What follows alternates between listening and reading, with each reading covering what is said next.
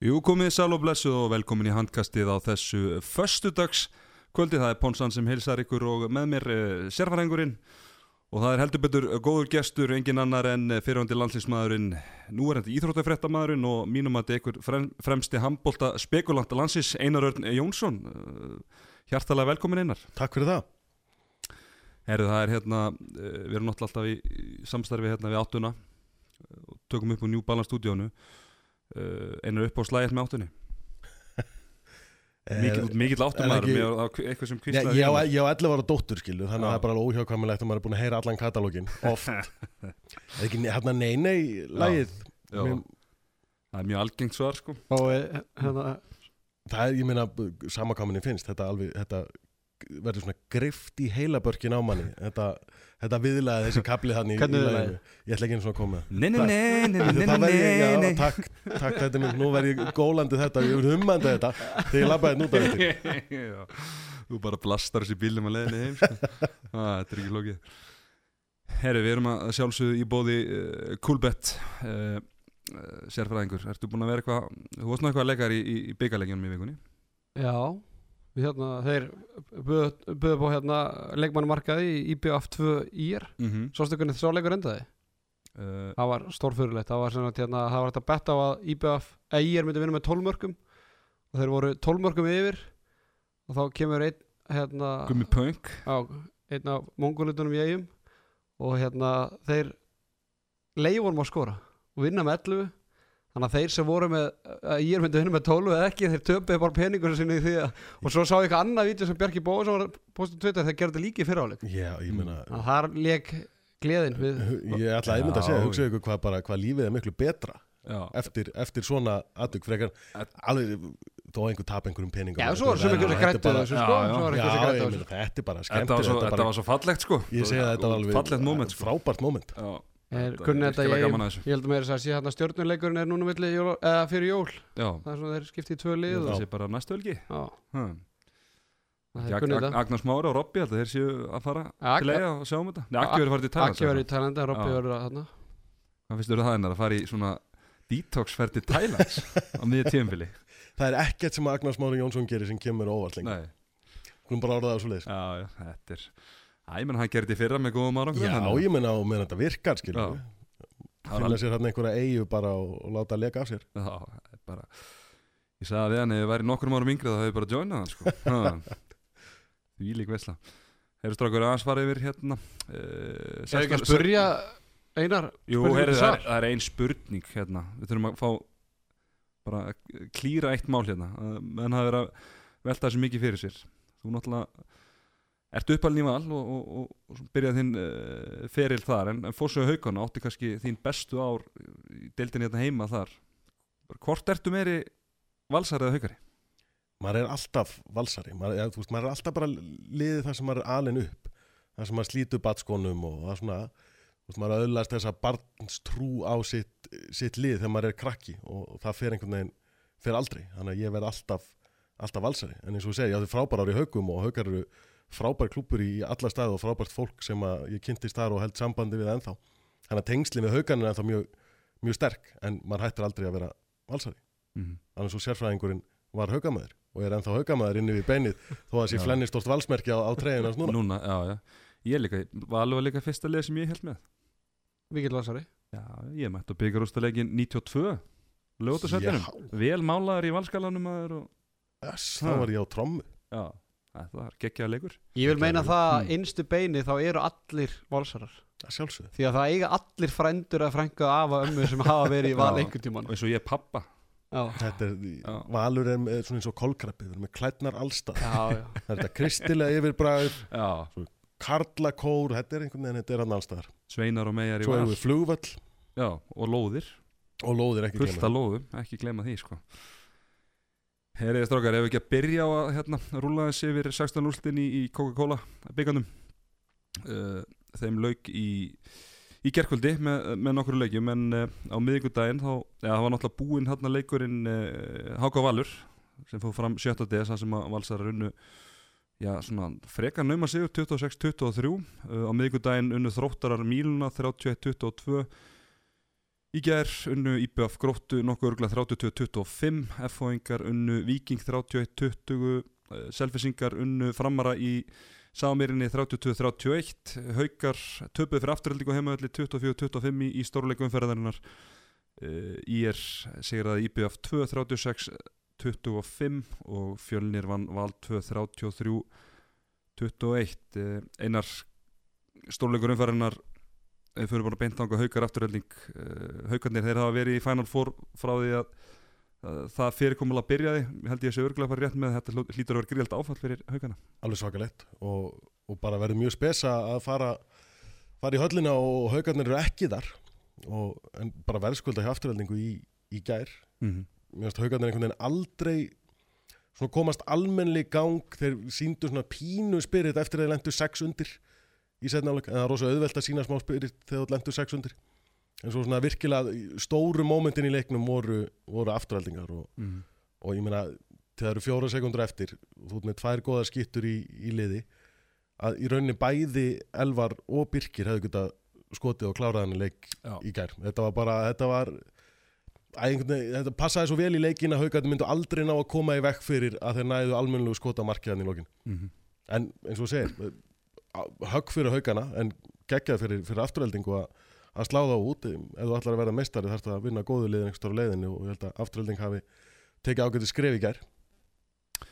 Algjörlega, það var hérna uh, eins og ég segja, afturhaldinga var svona einhvern veginn með yfirhunduna alla tíman heldur en ná sexmarka fórusti í tvígangi í setni áleik uh, haugarnir komu svo með áhlaup og það var eitt aðtök sem að var nokkuð hérna uh, svona eftir þetta verðt að þegar haugarnir voru svona virkilega að láta afturhaldingu finna fyrir og, og voru í áhlaupinu að þá eru þau með stuðnismannu sig sem heitir Hersveitin og, og þeir negla hérna konfetti inn á völlin á þeim tímapunkti sem gerir það að verkum að það þarf að stoppa leikin á sófa þannig að einarður getur, Kalla, getur kalla hérna, fær bara hérna frýtt leikli þetta Já, þetta var líka, sko, mómenti var rosa spes. Að Hauka voru að minka úr sex þú veist, þú voru búin að vera sex undir voru minka þarna í þrjú. Já, af hverju að henda kon- konfettinu þá? Hvað ætlar þá að gera þegar ég jafnaði að komast yfir það? Veist, hvað voru þeir með annað planað þarna á bakvið, bakvið auðlýsingarspjöldi var það bara svona heyristráka það er nú eða aldrei, þau er ekki Já, það er bara þú veist að búið að ákveða skilur þú veist á þessari mínútu eða marknúmer eitthvað Já, skilur já, þá, þá já, neglur þessu á. Já, en það var, ég ætla ekki að taka neitt af þessum stuðningsveitum, finnst það að krydda þessa leiki alveg, klárlega. En það er svona kannski núansar sem þarf að stilla. Já, konfettið kemur þegar þú ert að klára leik. Já ekki, ekki til að leifa hinulegin að endurstilla Nei. endurstilla sig sko. En þetta er ungi drengir hérna og er að krydda þetta eins og þú segir og Já, þeir bara læra. Þetta lærist eins og allt annað. Jú. Við lærum á liðum. Já, En þetta er náttúrulega bara velgert í afturlíka að vera komin í áttur úrslit og ekkert, þetta var bara erfasti leikur sem þeir gætu fengið í þessari hérna, umferð. En, en þvílitt og annað eins bara notum orðið skellur fyrir haukara Já. mm. því að ég þekki nú ágætlega innan, innanborð þar og hérna það er mikilvægt í það að liðin komi í Final Four ég meðal ekki bara kallalið heldur kvennalið líka búið að vera í Final Four heldur bara segjast þrjú ára að minnstakosti jafnvel fjör ára og þetta er alltaf mikið, mikið tekjutab fyrir félagið sko. Já, þeir eru búin að búin að læra rosalega vel á þetta fyrirkomlega þessu fyrirkomlega var komið á meðal annars til að í rauninni búa til meira í kringum byggakjarnir það væri ekki bara eitt stakur leikur á lögadegi í februar heldur þetta væri stærra batteri og félögin geta þá farið út í sitt nær samfélag eða, eða eitthvað annað og sapnað uh, styrtaraðalum og, og peningum á eitthvað meira en bara einhvern einn stakan leik og þetta voru haugarnir búinir að mastera bara af reynsluna af því að vera þarna ár eftir ár eftir ár. Þeir kláruðu, seldu allar sínar auðlýsingar, öll sína auðlýsingarskildi, seldu allar sína miða á hverju, hverju einast ári. Ég með þess að fyrirgeðu að haukar F voru í Final Four 2014 já, Já, og þá með þess að voru sko, félagin farin að keppast um að undirbjóða sig í fyrirtækin. Já, þannig að í, í fyrra þegar FH tapamöndið fram þá fögnu haugandur ennþá meira því að þá vissu þeir getur selt auðlýsingarna dýrara þá helgi. En frekar að FH hefur farið að færa fóra það þurft að fara í ykkur samkeppni sko. þannig að það, það mikið skiptir þetta félagin sko. þetta, er, mm. Þetta er svo miklu meira en ég held að venjál fólk ger, ger sér grein fyrir sko. þannig að þetta er alveg hræðilegt og, og bursið frá því að peningar þetta er náttúrulega við erum búin að ræða á þér þetta er haugandur eru titlalösir í senstu tvö tímabil Já. sem bara hefur ekki gerst bara þessum er bara Þessara öld líka þessari öld Ekki- já, já, bara Já, gefur já. ekki gerst síðan á þessari öld og þetta er svona auðveldasti eða svona styrsta leiðin að, að titli þannig að það er ansi ég meina ef Gunni Magg fyrir titlalýsing hann þetta tímpil þá getur hann kvart félagið sko verður þá Nei, ég meina það heitir að vera. technical Það er directorinn það er tekur hann þá við landsinstári eða? barinn hann í nakkatrampin á honum sko. já, já, einmitt. En hérna, strákar, sóknarleikur haugana síðustu tvo leiki á móti eftirhaldingu þessu leik og FH síðasta leik hann hefur bara verið svolítið styrpusalegur Já, frekar.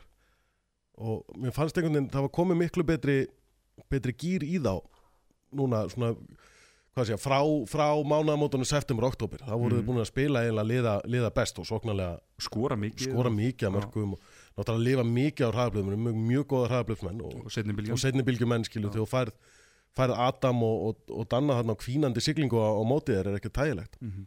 en svo er einhvern veginn eins og að aðeins komið sandur í, í gangverkið núna í, í síðustu leikjum en náttúrulega líka bara erfið, erfið vika skilur að eiga FH útivelli í, í deildinu og fara svo beint í byggarleik heima á móti móti afturheldingu sem er á siglingu líka í, í deildinni skilur, afturhelding stoppaði stjörnuna um daginn fyrsta liði sem náði eitthvað að koma, koma böndum á þá þannig að afturheldingaliðið er kannski ættu í raun að vera með aðeins fleiri stig í deildinni eða er ekki byrjað svona illa þannig að þetta var bara mjög erfið vika fyrir haugan að fara í og taka eitt stig úr, úr fyrðinum og, og, og falla út úr byggarnum er, er ekki, ekki spes uppskera fyrir það. Þetta hefði geta orðið svo góð vika til að, til að enda í rauninni árið áður um ferðin í, í pásunar, einum fer eftir í deildinni og, og ef þú geta klárað það líka með tveimur punktum þá eru farið bara skjálbrósandi af ásvöldum inn í, inn í pásuna. Já, og talandi um það að, talandi um þess að pásu að ef þú tala við einarandra fyrir tveim vikum þá held ég að hann hefði nú alveg bara þegi jólapásuna þá og þegar sko Akkurat. en ég hugsa hann sé ekki dvola spenntu fyrir að fara jólapásu núna þeir eru á Nei, hann vill hörku, náttúrulega bara, hörku rönni já,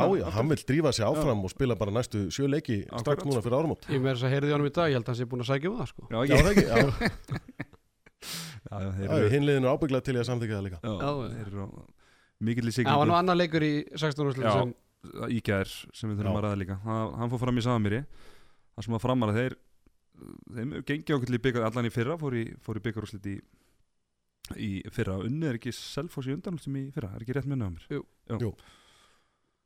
og þeir voru nú ekkit langt fyrir að slá út Selfossingan í ger Þetta var, marki, og þeir komnir hérna 5-6 mörgum yfir hérna í, hvað var, 10-5 allan í já það var sko eftir 80 minúti var staðan 10-5 Já. og Viktor Gísli var að verja sinn fyrsta bolta þá 18 minúti búin að spila allan leikin varði bolta þeir, og svo í næstu sókn var það víti þannig að þú veist framarði voru að spila fárálega góða vörn og hérna selfinsíkandi bara rægir bara skítrætti, bara missandi boltar hitt ekki að markið og, að, og, og stemmingi var bara hérna fram, fram megin og patti að mér sem búin að taka tvö leikli eftir sko innan við 20 minnur þannig að það það er aldrei jákvæmt að þjálfur þurfa að taka tvö leikli í fyriráleikan. En síðan svona náður ég að mingi þetta niður í e- einhver hvað tvö eða eitt mark í, í fyriráleik tvö held ég í hálfleik. Muna tveim hann eftir, eftir, Aron Gauti. glóralösa rauðaspjaldið og, og ekki, rauðaspjaldið er rétt það var bara vittlust leikmaður eina Sverri svo gerði ekki neitt en Sverri, Sverri Pálsson svo leis, fór á fullum krafti andliti á þóstinni Gauta en, en eina þurfti að, taka það á sig og svo skoraði Aron Gauti hérna einhverjum 17 metrum.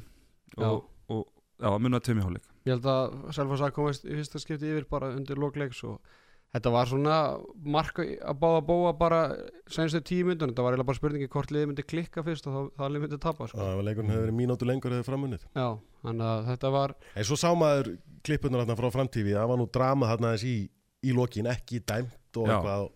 og Það er erfitt að sjá, þetta er þvert yfir allan völlin og ein myndavel og er vonlust að sjá hversu mikil snertingin er ef hún er einhver, er einhver almennileg. Alli Ævar talaði um það eftir leika hann hafði bara ekki snert leikmannin En þegar ævar hefur náttúrulega pínu hagsmuni af því að segja það líka. já, ég hef alltaf sagt að ég að fara í hann Þú að veist, það líka pyrra það ekki bara anstæki miklu meira sagt ég fór í hann, að Einar, hefði þú sagt að ég var ekki að fara í hann eða? Nei, ég hefði allan tíman borið við sagleysi, já, eins og ég gerði alltaf. allir að oft þótt um, prúður á velli eða hitt og heldur en hérna Nei, Eh, mér, en mér, svona sko, þegar mér maður finnst eftir sjá að fram úr þeir, þeim er alltaf spáðfalli. Það er mhm. bara einhvern veginn, þú veist, það kvílir einhver falldraugur yfir samirinni, en þetta er svona lið sem að gummina er einhvern veginn alltaf hann er að gýra það upp í réttu leikina Já. byggarleikir eru réttu leikinir, hann er að gýra það upp í þá Náttúrulega, hann er ekkert að sannfara liðið um að, að þeir verði í topp þreymur í deildinni Nei. en leikinni sem þeir verða að vinna í deildinni vinna þeir og þessa byggarleiki eins og í fyrra og, og ég meina, hvað var sé 59 myndur í, í gær næra hann að stilla á réttin og þeir eru, þetta eru sterkir karakterir í þessu liði og þetta eru góðir handbóltamenn og ekki taka þannig af þeim þó að selfisingarnir séu klárlega betri handbóltamenn og það má kannski segja að svona, kannski að gæði selfisinga hafi unnið þennan uh, karakter sem að kannski býr frekar í, í framliðinu. Mm. og reynsluna bara líka. Þetta eru svona, það eru svona geltir hann inni sem vita, vita nákvæmlega hvaða takka þeir þurfa að íta á hvennar Já. Klárt mál, en var þetta aðtökan í lokin þegar maður horfði, sá þetta svona í, í rauntíma að þá held maður að myndi dæma víti og raut á þetta Þetta lítur Þetta lítur þetta sko. lítur fljótt á litið Já. klárlega út eins og hann bara íti mjög hressilega í öxlina á hann þegar hann að fara í gegn Já, hversu glórulust, segjum bara hann hafi farið í hann hversu glórulust er samt að gera það já, því að þá ertu eiginlega basically að gefa hann tvöldar sens því að ef hann myndi klikka þá væri það víti Já. ef hann, Já. skilju, ef hann hefði skorað þá hefði það verið um mark já. Já, leikurum búin fyrir því, skilur Já. framlenging og þú upp í stúku, sko En fyrst á dæmdi ekki þá var þetta bara frábæra akkur Sjálfsög, Já. Ha, Svona eftir á ja, higgja ef hann gerði eitthvað. Já, hárrétt. Er svo örstuð kannski hérna um uh, þriðja uh, ólistildaslægin í, í 16 lústunum IBF gróta, IBF vinnur uh, bara örugan sigur og, hann var einhvern veginn aldrei hættu þannig séð 32-25 eiga Ja. konum með að eru Það var samt, sko, tiltöla jafn fyrirháleikur, munið Já. tveimur í hálfleik Já, og munið svona- einu, tveimur þarna á löngum köflum í, Já, en svo bara í setni hálfleik var gróttulið eftir í klefa, sko. Já. það komið tíu, kom, tíu marka munir eftir kortir í setni hálfleik. Já, heldur, náð einhvern 5-6 marka fórskoti í fyriráleika þeir náðu einmitt að 6 á það já. En svo bara einmitt eins og þú segir, mætti ekki til leiks. Þá, þá er hérna herjólsverðin eitthvað setið í mönnum eða eitthvað? Já, þetta var svona síðbúin herjólfstinga einhver. Já, En maður heyrði viðtal við, við hérna, Kitta Guðmunds eftir leikin og sem var að tala um að, að vörnin var í loksins farin að hjá þeim. Mm og þeir náttúrulega búið að ganga ævintýrlega illa hjá þeim en eins og þú segir, þrý, þrý sigrar í röð og ef að eigavörnin er farin að smetla Mhm. þá er það ekki drosalega jákvætt ég meina, fyrir önnulega, það er jákvætt fyrir IPVF en, hún hún var að smetla það mikið að þeir fengu ekki nema 16 mörg á sig fyrir áleik Já, ég hugsa að hann hafi verið að vísa til setna en mér finnst eiginlega uh, næsti leikur vera svona alvöru testi þeir eru konum með þrjá sigur í röð en, en let's face it sko, en þeir fara úti, úti hérna fara í Garabæn næstu umferð og þá svona að mínum að þá sjáum við hvort að þeir séu virkilega, virkilega vaknaðir sko. eða hvort að eða hvort þeir séu bara ennþá í sama, sama ströklin þannig að það verður aðtiklisvert að sjá heyrðu, er nokkuð meira um þessi 16. úslita að segja drengir nei, bara, Nei, allt annað eftir bókinni já þannig séð hann Já, ég meina þau voru í rauninni öll eftir bókinni Já, nema, já. nema kannski ásvellir. Já, akkurat, Þannig að hinn í sjö voru svona liðið fór áfram sem maður hefði giskað að maður hefði verið að- leggja undir penning einmitt. Alveg rúmlega tveir mánuðir í áttarúrsliðið Já, ekki nema. Og góðan tíma til, a, til að hitta fyrir hvað er, er Final Four, hún er 8. og 9. mars er það ekki setna en vanlega Nei, er, það var- svipuð tíma í fyrra. svipuðum tíma í fyrra. Það var fært aðeins í fyrra. Okay. það var út af einhverju Já, komu, neða, komu landsleikir í, í körfuboltanum Já, inn í þetta, já, það var landsleika pása þar og, og það er bara svona þegjandi samkomlega hjá HSI og KKI að landsleikir hafa bara fórgang á allt annað í höllinni. Já. þannig að þá var þetta fært. Við erum það, við erum- það. Á, Já, ég meina, ég hugsa að það hafa nú oftar gæst að handbóltin hafa þurft að reyði einhverjum í burtu til að koma að landsleikim í, í höllinni. Mm einmitt eh, ef við spyrjum núna einar líklegasta lið til að vera byggamestari Úff. Það maður ekki að segja valur? Já, hef gott gisk allavega Það er nú ágættis byggar hefð þar. Já, einmitt, ég held að þú fengir ekkert mjög háan stuðul á það ekki- Nei, sennilega ekki. Nei. Já, maður þá ekki að segja eitthvað svona ólík Segja, F-fáhingana til að vera góðið þetta. Já, var líka, ég held að þú færi ágætti stuðul á það líka þannig að það er held ég að það sé mjög gott eða vilt Það er nú komið Ástum- bara, er nú aðeins svolítið ríkfallin byggarhillan í, í ferðinum eða í kriganum Já, það var einhver deildar, deildar meistaratitil Nei, semst byggarmeistara Já, byggamestari, já, já, já, einmitt. Það er lögrétt, það er 94 þá kom síðast í titill held ég alveg örglega Það var júbilegum 25 ár síðan. Já, það er það er alvöru, alvöru hérna, tími síðan það var. Er eftir okkar eitthvað að fara aðeins í, í, í landsliðshópin já, ekkert aðeins bara. Það er góð umræðu. Já, ha. uh, Hann var valinn í eh, byrjun vikunar 28 manna hópur og ekki bara lesa hann upp hérna? Jú, eftir Stárhúsað eftir Er nú verið búin að- raða því upp Þannig að þú getur glendi Eru markmenn Aron Rafn Eðarsson, Ágúst Eli Björgvinsson Björgvin Pótt Gustafsson og Daniel Freyr Andrinsson Vinstri hóttamenn Bjarki Már Elísson Guðjón Valur Sigursson og Stefán Rafn Sigurmansson Eh, Vinstri skittur Aron Pálmarsson Daniel Þór Ingarsson Ólaf Guðmundsson, Ólafur Gustafsson og Robert Aron Hostert Miðmenn eru þeir Elvar Örn Jónsson, Gísli Þorgir Kristjánsson, Hauku Þrastason og Janus Staði Smárasson. Hæri skittur Arnar Birkir Haldánason, Ómar Ingi Magnússon, Rúna Kárasson og Teitur Örn Einarsson. Hæri hotnamenn Arnóð Þór Gunnarsson, Óðin Þór Ríkarsson og Sigvaldi Guðjónsson og línumenn þeir eru fimm Arnar Freyr Arnarsson, Ágúst Birgisson, Heimir Óli Heimisson, Sveitni Jóhansson og Ímir Örn Gíslason. Uh, Einar, þegar þú lítur svona hratt yfir þetta eh, fljóta liti, er eitthvað sem kemur, eitthvað svona aðtiklisvert, eitthvað sem kemur óvart? Nei, svo sem ekki ég meina það eru flestir hann sem að ekki flestir, það eru allir hann sem að hefði viljað hafa hana skilu, af, af okkur líkilmönnum og, og, og stóru, stóru nöfnum. Mm -hmm. Ég hefði viljað að Viktor Gísli væri í þessum hópi bara sem okkar, okkar efnilegasti markmaður. Og að, að eiga þá sensin á að, að gefa honum einhvers konar eldskýrn eða, eða blóðgan á einhverju svona stóru móti þó hann hafi ekki átt sem, sem besta vetur Þá- er hann svona stór, okkar stóra von í, í markmannstöðinni annað finnst mér eiginlega bara að vera nákvæmlega eftir, eftir bókinni. Meina, hvernig ætlar að taka út fyrir fyrir einhvern annan sem þú myndir mögulega vilja, vilja setja inn, inn í annan hóp? Þú getur endalist, þú getur leikið með einhver einhver nöfn sem að eru kannski leikmenn á bilinu 24 til 28 í þessum, Mm. hópi sem að kannski skipta ekkert, Nei, en ég meina þeir sem að þeir sem að koma til með að, að, að gera eitthvað eru allir heilir og klárir og gefa kost á sér og, og það er ekki verið að skipta neinum út Mhm. akkurat núna. Það er alltaf ánægilegt að Guðan Valur ætlar að gefa kostið sér þetta verkefni Já.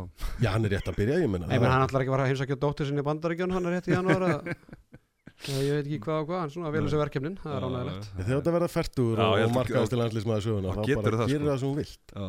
En hérna Sveitn Jóhansson, er það ekki bara svona svipu pæling kannski og með Vikt og Gísla, bara svona gefa honum smjörþegin og, Jú, jú, og svona kveik, kveikja þessi í honum bara fyrir, fyrir framtíðina Jú, jú, ég myndi sama, þú veist, og sama segir maður þegar kemur að því að velja hópin sem fyrir á mótið auðvitað vil maður að, að haugur fari með mm -hmm. hvort sem hann ætli sér eitthvað að nota á mótinu eða ekki, þá bara þú veist, það er mikilvægt fyrir þess að gæja að geta tekið að stökkin sem þeir sé að taka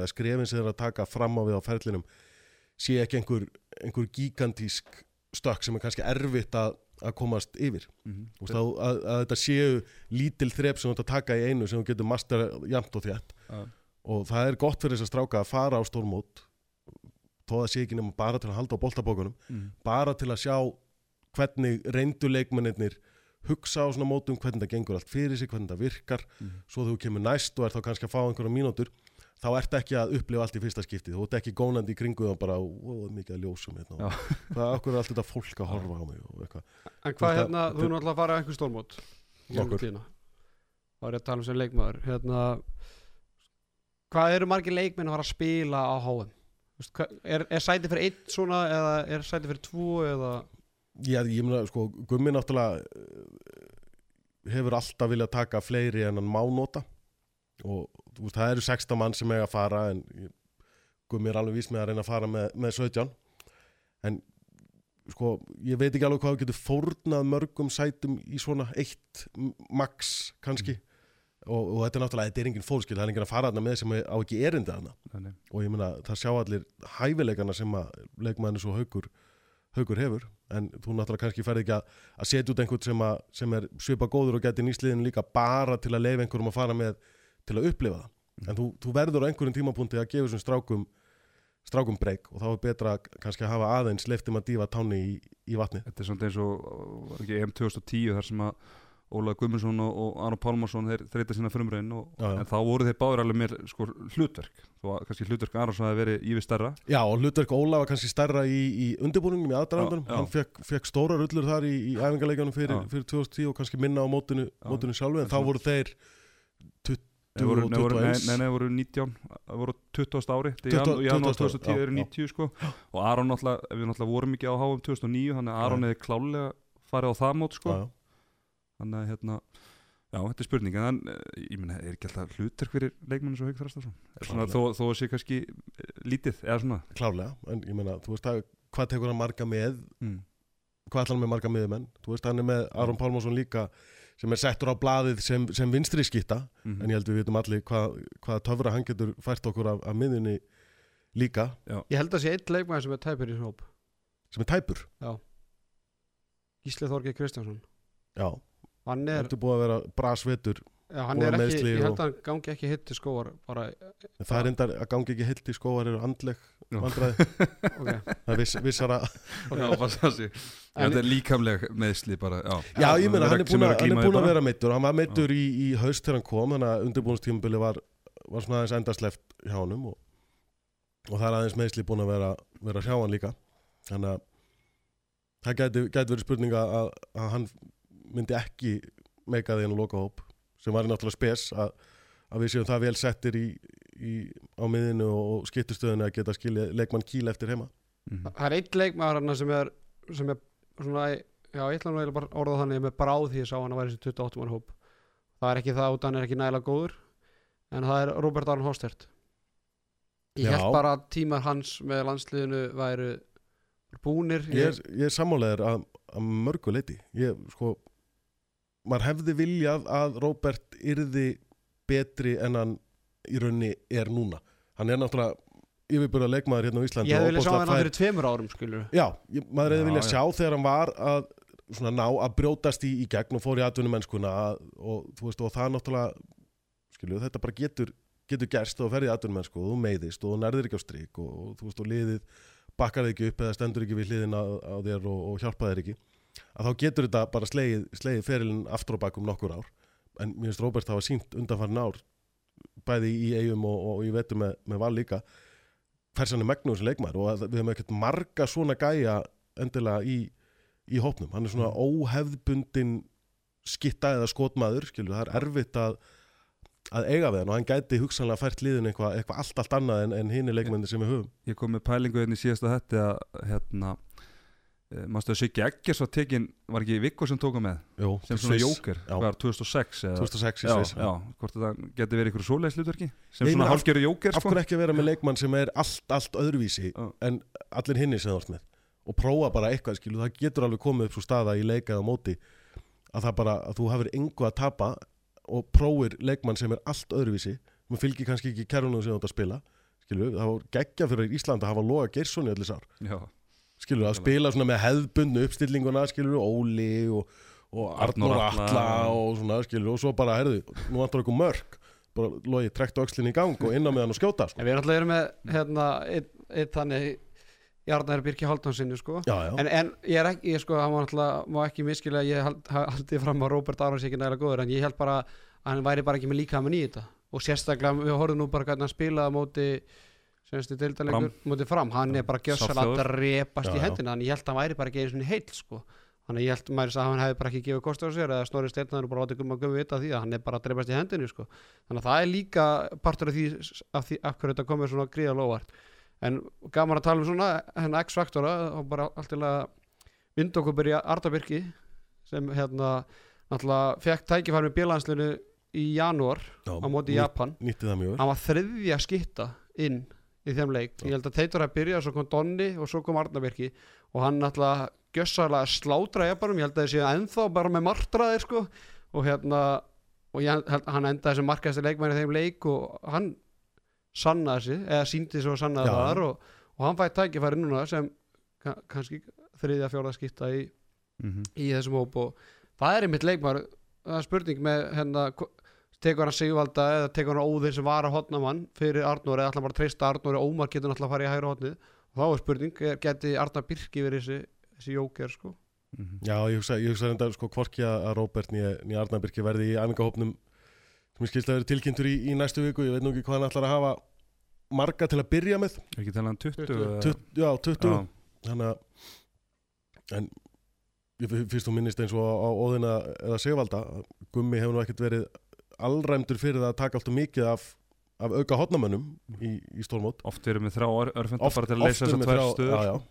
og ég meina hann var með, með Ásker, Óla og, og Lexa bara árum saman skilju, svo hætti Óli og, og þá var hann með Ásker, Lexa og, og Arnór oft, Þóri á, á tímabili líka en yfirleitt Mm. alltaf bara með með þrjá, kannski Já. stundum með, með fjóra Gilvi alltaf svo sem var datt alltaf senast út eins og til, Jú, ég meina þetta var bara Jú, þetta var, ég meina á- Bjarni Fritz Sama vinstra, í vinstra hodninu skilur Hann var ekkert að, hann var ekkert að taka auka hotnamenn nema hann algjörlega þyrti það sko Mhm.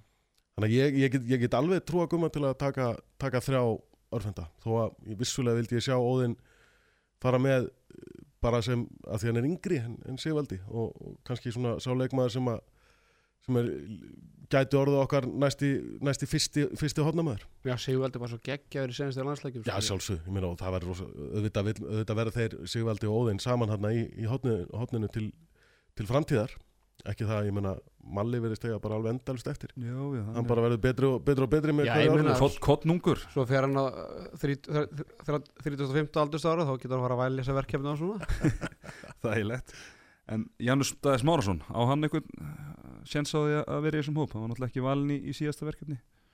Nei, búin að vera meittur og, og kannski, ég meina að það er bara strákar þarna sem eru greinilega ofar í, í huga gumma skilju og bara með, með fullum rétti, hann er ekkert að, setja Elvar og, og þessa gæja framfyrir Janus bara að því. Mm. þetta eru bara gæjar sem, að, sem hafa sínt sig og sanna og þessi tíu mörg sem Elvar skorur á móti, móti Tyrkjum svolítið stimpluðu hans hans veru í þessum hópi endalega, endalega inn. Mm -hmm. en svo er spurning, ég meina er þú veist hvað er minn hér á, á haugi er hann, er hann klári að fara í svona dæmi? Treystir gummunum yfir höfu til að vera vera með í svona hópi? Hann var náttúrulega hálf haldt hann þetta leiknum í ger já, ég meina með rísa spelku á Já. hénu og þú veist, hann er kannski bara betra fyrir hann að þú veist að vera í 20 mann æfingahópnum og setja svo bara heima þeirra mótið mótið fyrir fram. Það Janus náttúrulega hefur reynslu sem að hvorki elvar nýja haugur eða, eða gísli gísli hafa. Þannig, og það má ekki líta, líta framhjá því að þeim kostum sem að Janus hefur þó hann sé kannski ekki þessi, þessi klassíski leikstjórnandi. Það er leikur að klárast í dönsku úrvarsleldinni bara í þessum tölu orðum og við nú kannski fjalla betur hann, í Rúnars Kárahotninu en í setnaði þættinum en, en þar er hérna annar miðumar Gunnar Steinn Jónsson mm.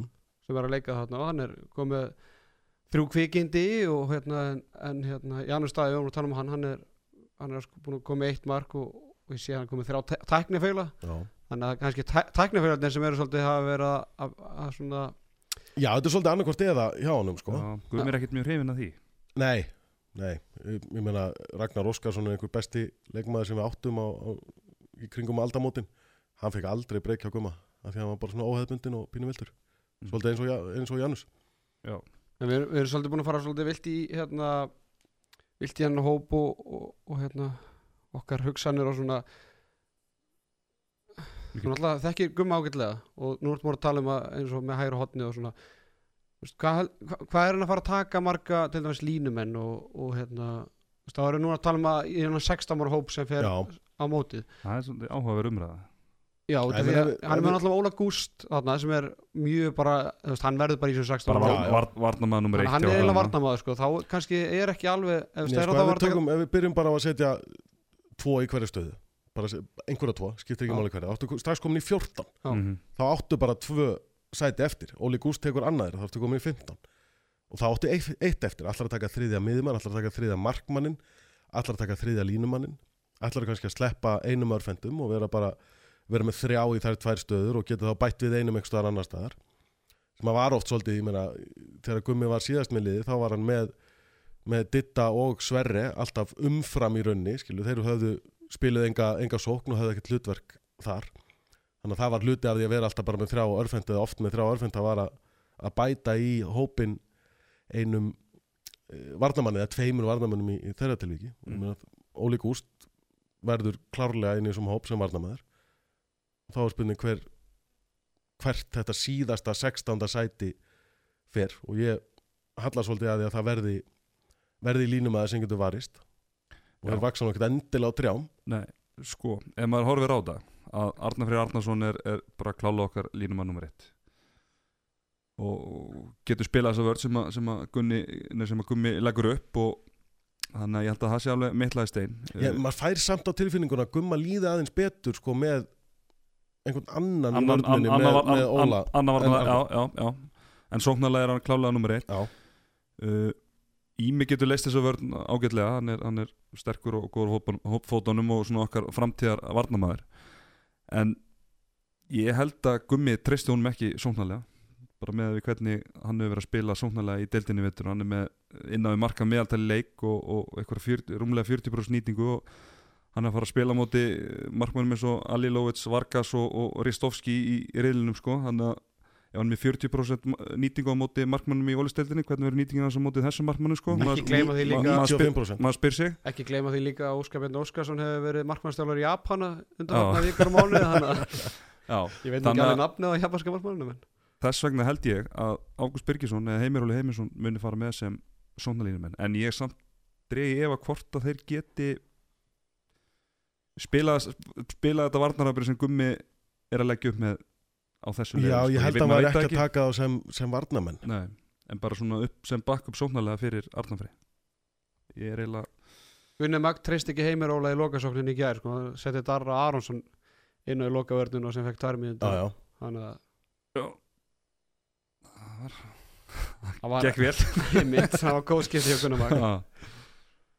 Nei, ég meina þú veist og þetta er bara þetta er debati sem að Gummi er að eiga við, við sjálfan sig núna, skilur, Mhm. hvað ætlar hann að ætlar hann að gera og, og ég meina ætlar hann að bæta við þess vegna uh, auka miðjumanni þú veist ætlar hann að taka, taka þá þrjá þrjá miðjumenn í, í rauninni eða og, já, og ekki, e- ekki endilega bara til að út af að hann veit að spila bara saman þú talaður um áðan að, að, hérna, að fá til þess haug þrasta bara til, hann fái smá blóða tellunar já. sko. Mhm. en, að, en svona þú finnst þú, mér finnst þú hallast aðeins á því að taki kannski bara þrá örfenda já, ég er svona ég, maður svona fær þá tilfinningu svolítið Er það En- Ómar, en sko- Ómar Rúnar og, og Arnur?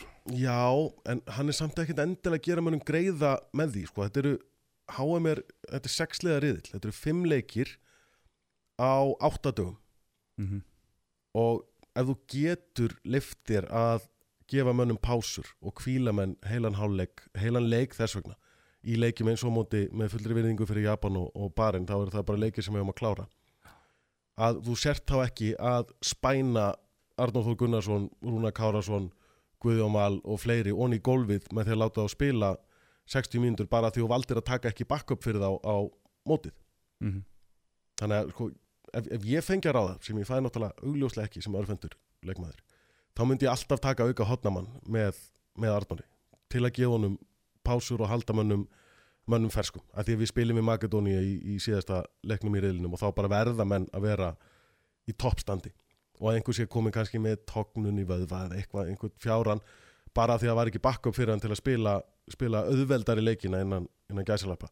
HM er líka svona mótið mitt eins og segir að það er mótið að svo getur gefið Algjörlega. Því algjörlega. EM er Og þú bara verður að gera það. Miklu sterk, ég með náttúrulega miklu sterkara mót þannig að kannski minna svigrum til að gefa mönnum hérna, Já, ég meina þú mátt bara ekki eins og sko mér sé að norðmenn núna á, á EM kvenna brendu sig á því að mæta örlítið værikjarar móti farið. Þú veist, en á HM þá getur liftir að þú ert að mæta liðum sem eru, Mhm. eru lagari og er vitað að eru, eru lagari Við erum að fá þessi leiki þar sem við getum hugsaðlega kvílt þarna í miðinni daginn eftir leikinu móti Spáni eigum við Barinn og, og daginn fyrir leikinu móti Makedónum eigum við Japan og þá náttúrulega væri gulsi gildi og Makedónia er á sama tíma að spila við Króati þannig nákvæmlega, að Króat, Makedónia er í mjög erfiðum er leik og meðan við erum í okkar léttasta móti, móti Spáni. Móti spáni fyrir Já. ekki þannig að það er bara og Gummi þarf að hugsa fyrir þessu öllu saman og náttúrulega gerir það, náttúrulega sefur ekki.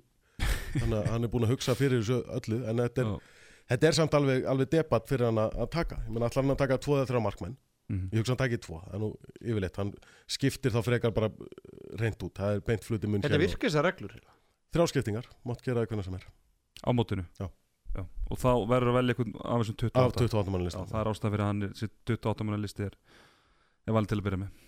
En það er bara kannski hvað, já, kringu 20 sem mæta svo æfingar þannig að hvað máttu gera þessar skiptingar hvernig sem eru eða?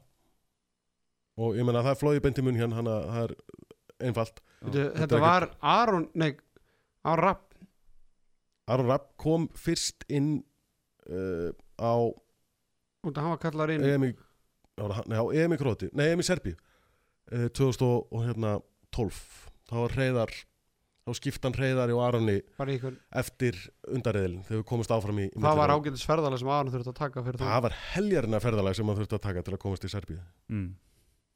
Þannig ég hugsa ef, að, ef, hann, ef það er eitthvað markmannsvesen eða langar að gera breytingu að þá bara gerir hann þannig skiptingu. Ég hugsa að hann taka ekki þrjá með í, í hópin. En fyrst við erum byrjað að tala um markmenn og við erum ekki búin að ræða markvarðastöðuna núna, þú talar um það að þú hefði kannski viljað sjá Viktor hann einn af, einn af fjórum markmanns í þessum 28 ára hóp hvað svona, er þetta ekki svona bara nokkuð hefðbundi Björgun Páll Rapp sem fara á þetta stórmót Jú, ég held það. Ég, það kemur allavega mjög mikið óvart ef að Gummi myndi, myndi breyta eitthvað út frá, út frá því. Og þó, ég meina, hann hefur alveg gert óvænta hluti á þér. Það er ekkert eins og Gummi sé, hann er íhaldsamur en hann er ekkert, Mhm. hann er ekki, hvað var, ekki, segja, ekki, ekki hættulega íhaldsamur. Hann, hann er alveg til í að taka áhættur ef hann þarf að taka áhættur, skilju. Það, það, fyrirfram var það mjög skrítin ákvörðun að taka Björgum Pál á olimpíuleikana í Peking. jú, jú. Mhm. En er þetta, þú veist, Björgun Páll er náttúrulega ekki að spila mikið í, í Danmörku og Rapp náttúrulega fekk höfu áverk og er bara Já. nýbyrð að spila aftur þannig að það er spurning hvort það sé hægt að tala um hann síkilda hausverk Þetta er alltaf hausverkur. En mér, sko, nú ef ég viðkenni að hafa ekki fylgst nógu mikið með skerni í deildaleikjánum og, og hvort að Björki sé að spila mikið, mikið þar.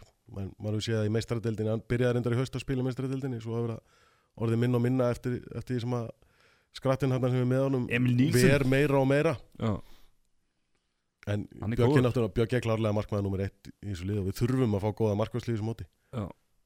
það er algjört líkilæðri En svo vorum við aðeins búin að dansa eins og kettir í kringum heitan gröð með, með vinstrahotnið.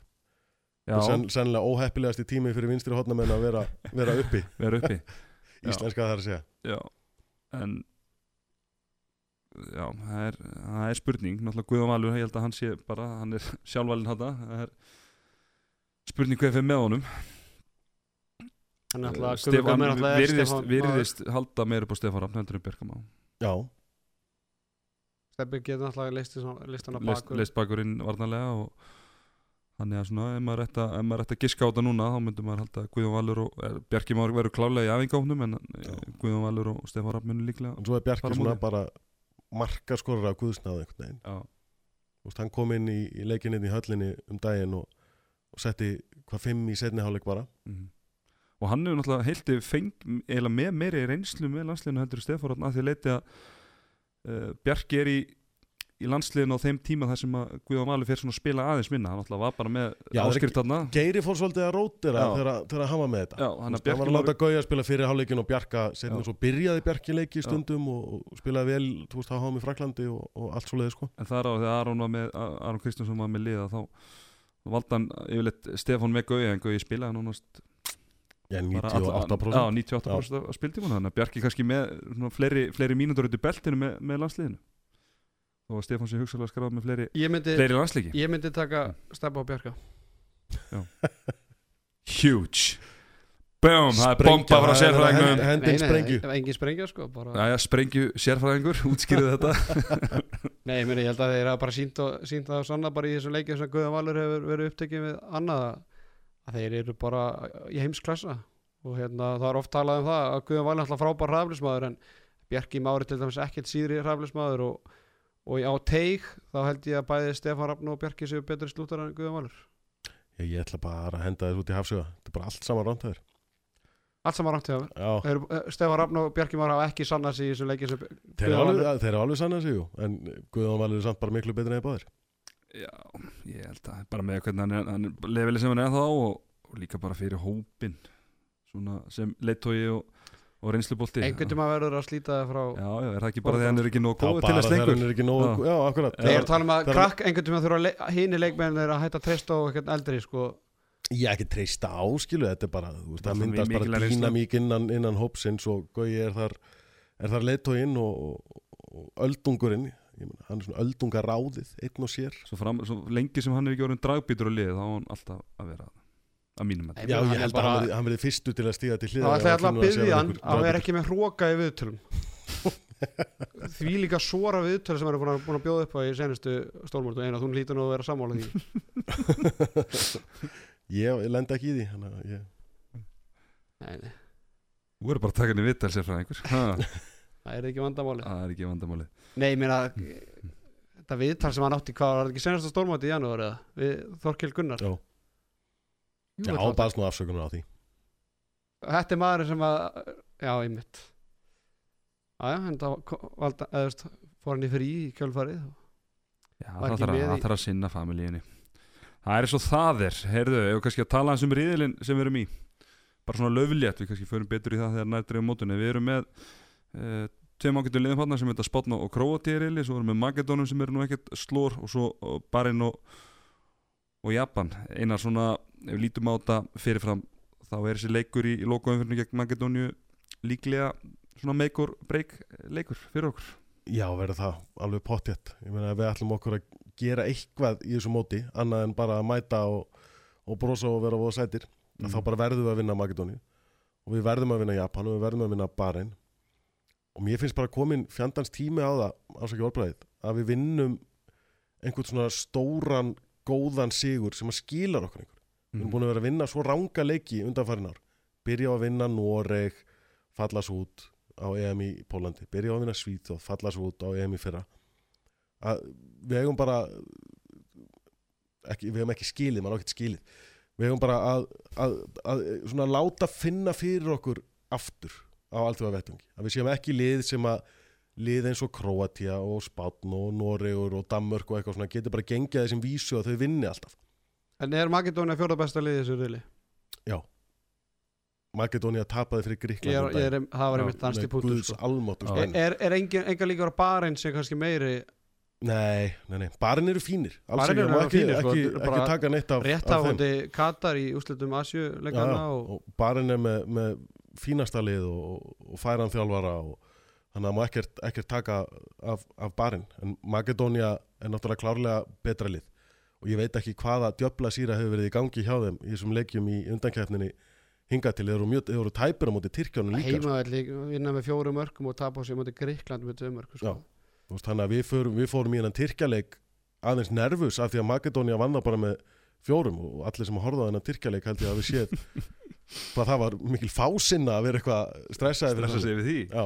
Já, Nei, þú veist, það, það þú veist, við eigum bara mæta og segja bara við ætlum að vinna Makedóni bara engin spurning um það. Og Mm. Japan og Barin og svo verðum við bara að láta aðeins finna fyrir okkur aftur sem, sem hvað við segja, alvöru, alvöru lið. Mús sem að öskrar. Og vinna, vinna lið eins og, og Kroatíu eða skilur á geggjum degi að ná að vinna, vinna spán Takk ykkur punkt í millir eða já, fara með, skilur, og, og gera eitthvað í mótinu, ekki Mm. vera bara vera, jæja, herðu við komast áfram þetta er nú fínt, en við erum ánstiga og þetta er nú verður nú allt voða erfitt ég meina er ekki líka bara fínt að byrja Króti við náttúrulega komum öllum á óvart í janúar þau vinnum Svíþjóð í fyrsta leik Já, já. Og, og síðan ekki En svo meir. okkur einhver skilja, það, þú veist, það er svona, það, var rosa gaman að vinna Króati á, á, núna á HM, en ef við töfum svo fyrir Makedóníu, þá, þá er þetta allt til einskis. En ég meina, Króatarnir er ekkit ósigrandi og þeir voru enga veginn samfærandi á heimavelli í, í fyrra á, á EM. Þannig að ég segi að það sé bara fýtt sjans að vinna Króati, en þá verður þau náttúrulega að spila eins og menn út allan riðilinn Já, það þýðir ekki að mæti eitt leik og spila rosa vel og gera svo bara í, í hósutnar sínar í öllum hinnum leikanum sko.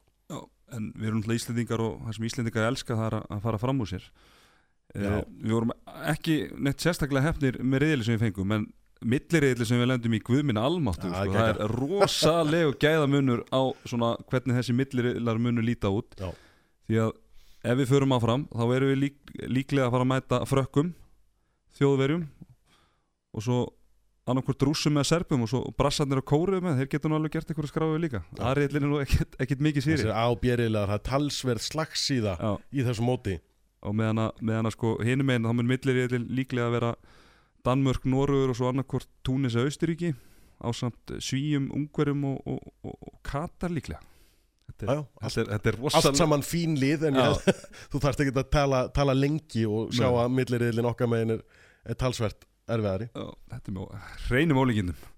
En þetta er svona, það er bara það er oft henda Íslendingu bara vel að fara fjallabækslið að þetta, þessu. þetta er erfiður riðil, engin spurning. Og, og sjaldan verið erfiðar að komast áfram á, á HM, það er búið að breyta þessu aðeins það er ekki, ekki fjögulið sem er að fara áfram í, í 16 lið og slitt heldur fara þrjúlið úr, úr hverjum riðili áfram í í raunin þá 12 lið áslit sem eru tveir milliriðlar með 6 liðum, þannig að það er svona gerir þetta aðeins erfiðar, færri lið sem er að fara, fara áfram, Mhm.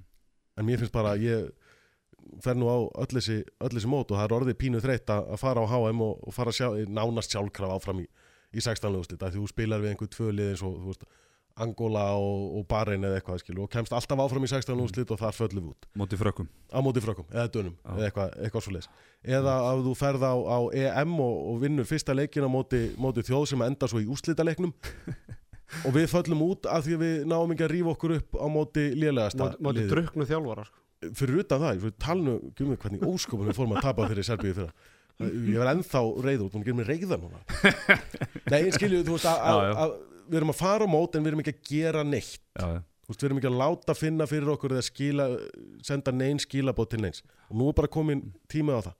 Og Gummi er náttúrulega Gummi er með fullri virðingu fyrir Aronni og, og, og Geira, þá er Gummi allt öðruvísi þjálfari og hann er einhvern veginn að tjúna liðin upp alltaf í alla leiki. Mhm.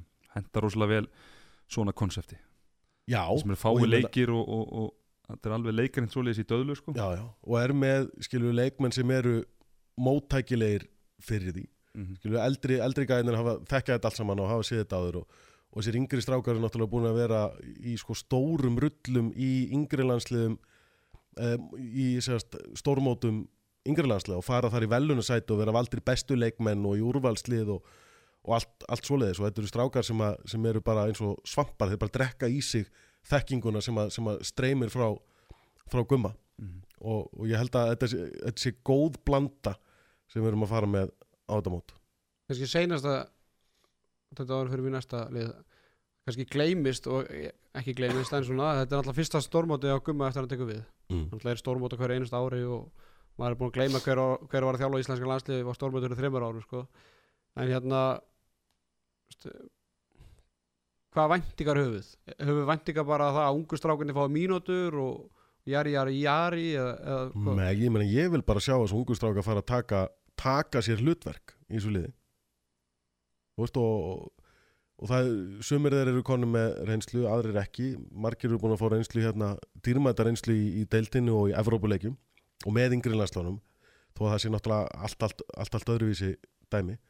Og ég vil bara sjá marga af þessum strákum svolítið taka taka meira ábyrð og taka stærri skrif Arnar Freyr er búin að, hann er að fara á sitt þriðja stórmótuna og nú vil ég bara sjá að hann að sérst að við göngum frá þessu móti og segjum bara hvað vorum við að velta fyrir línumastuð og þetta er Arnar bara með þetta hann er fyrir að skora miklu meira núna úti í Svíþjóð og með landsliðun líka þannig að það er, það er mín von að einhverja sem strákum stimpli sinn sem í rauninni fasta póstar í þessu lið og, og, og skili og við göngum frá mótinu ekki bara með, með Guðjónval sem markaðistann og, og Bjöggistand í markinu allan, allan tíman og, allt hitt sé svona frekar eftir, eftir bókinni, gamlu menninni séu bara að sjá um þetta heldur að komi einhverjar af þessum ungu og bara virkilega stimpli sinn sem líkilmenn í þessu liði Mhm. En ef við bara tölum um sæti svona lámar sæti sem þú vilt sjá á íslenska landslið lendi þannig að þú horfir á móti og segir ok, þetta er sætti 10. mig þetta. Topp 10 Já. Já. Og meina við höfum bara stefna hygglust á það. Mm -hmm. við erum með leikmenn í, í þeim gæðaflokki og, og þá hefur við bara náð því. Svo má ekki gleyma því að fyrstu frumraunir gumma hinga til þá hefur við verið að spila um velun alltaf. Já, þannig að ef við viljum fara fram úr okkur þá náttúrulega segjum við klárlega við erum að fara að spila um velun í þessu móti. bara undan úr slitt og og ekkert minna. Ekkert minna já. Nei, ég meina þú veist fyrir EM í Svíþjóð til dæmis fyrir, fyrir fáralega mörgum ára síðan. Þegar þú varst ennþá í á landslið meðan ég var ennþá að spila já. Að, 2002 þú veist, það er engin, engin dott í hug að tala um að Ísland væri að fara að spila um velun á því móti. Mhm. fyrir olimpíuleikana í, í, í Peking þá vorum við nýbúnir að, að sko, gera svo hressilega í, í buksurnar á EM í Noregi og, og, og lenda í sko, ráðningar veseni með þjálfara og það var einhvern veginn allt í, allt í steik. og, og, og klúra hérna undakefni og klúra, já, mistum að HM móti Makedóníu. þarna júni áður. Já. þú hefði, þurft að, þú hefði verið lagður inn ef þú hefði sagt fyrir það mót að Ísland væri að fara að spila um velun á, á olimpíuleikunum svo þau ætlaðu að fara að vinna olimpíuleikana já, þá, þá fór þetta aðeins verð það var sanns sem besta liði sem við mátt á nokkuð svá Úff, ekki talað um að gera maður reyðan sko. það er ekki tala um þetta sko. Voldemort leikurinn, ungur helvitis ungur andur Heyriði uh, Ef ekki fara bara í næsta lið?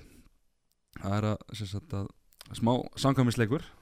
Það er að velja sagt, úrvarslið leikmanna uh, sem, sagt, eh, sem komist ekki í hérna 28 manna hóp.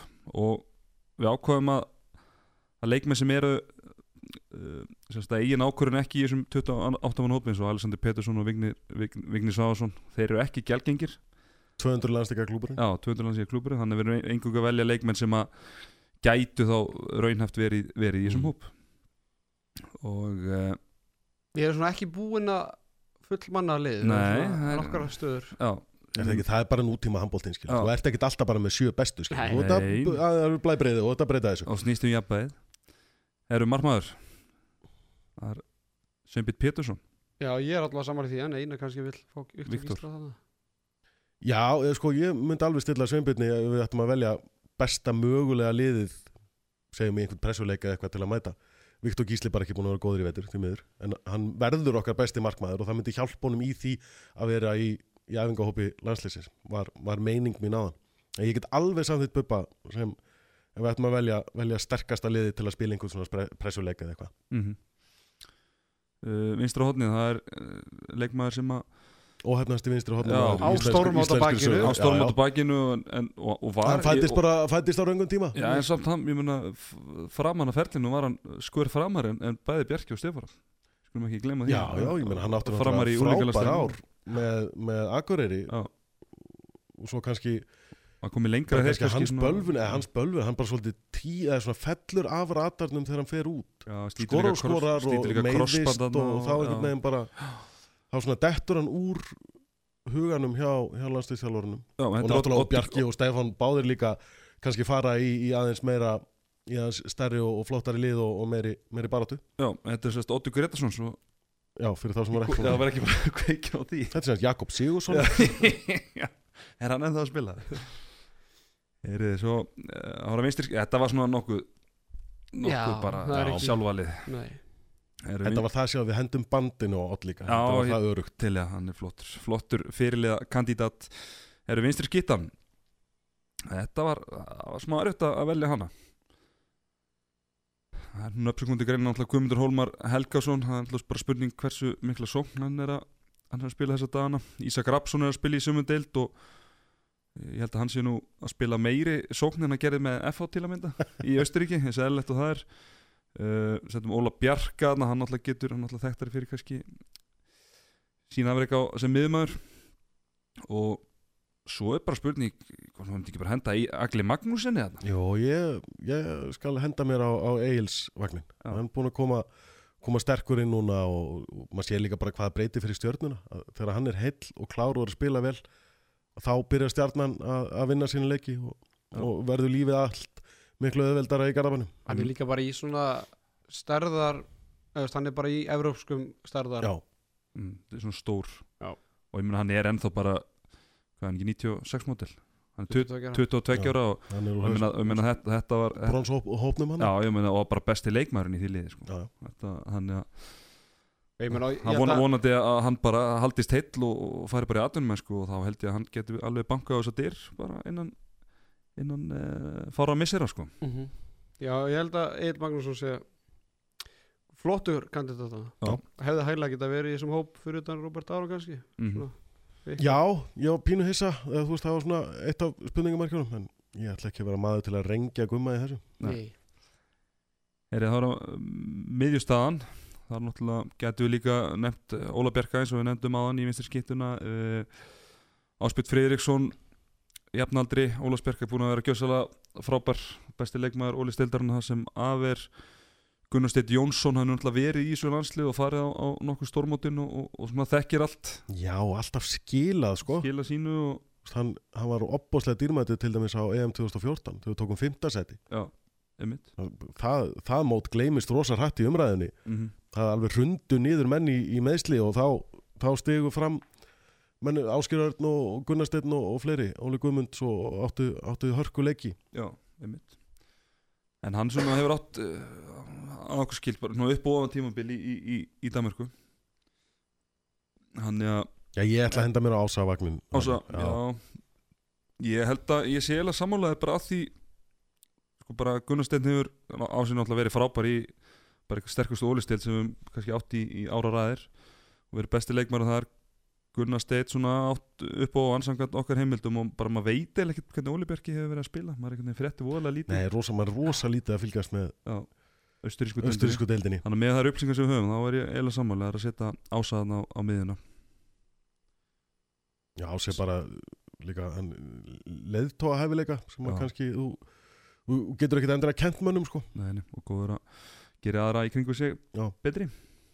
Sérfræðingur Já, ég held ég sé ekkert mikið ósamlega þetta hefur maður bara lítið sem ekkert síðan Gunnar Steina, hann er svona einn af þessum leikmönnum sem alltaf hann hefur látið í sér heyri fjölmiðlum og svona og Já, vildi, já, vildi fá hérna tækifæri og vill vera með fleiri landsleiki bakinu. En en hann er þó allavega að spila í, í dönsku úrvarsleitinu bara í sama lið og, og Rúna Gárafsson til dæmis og, og, og margir í deildinni. Þannig að fyrst hann getur spilað þar þá er hann örgulega eða lítur hann að vera í topp 40 á Íslandi sko, þannig að þetta er svona Gunnar Steinn á á sig ég ætla bara að leiða ykkur að velja, velja ása mm annars hefði ég tekið læðuna. Já, það hefði getað læðst hann inn í þetta lið hjá okkur Ha. Eru hæri skittan? Það er- það eru nokkuð sem komið til greina kannski byrjum á Ragnar Jóhansson Hann er náttúrulega verið í kringum þetta kringum þetta lið og var hann í uh, var það ekki núna í vorverkefnunum hvenær var hann aftur? Eða var það á gullmótun í Nóri Nei, hvenær?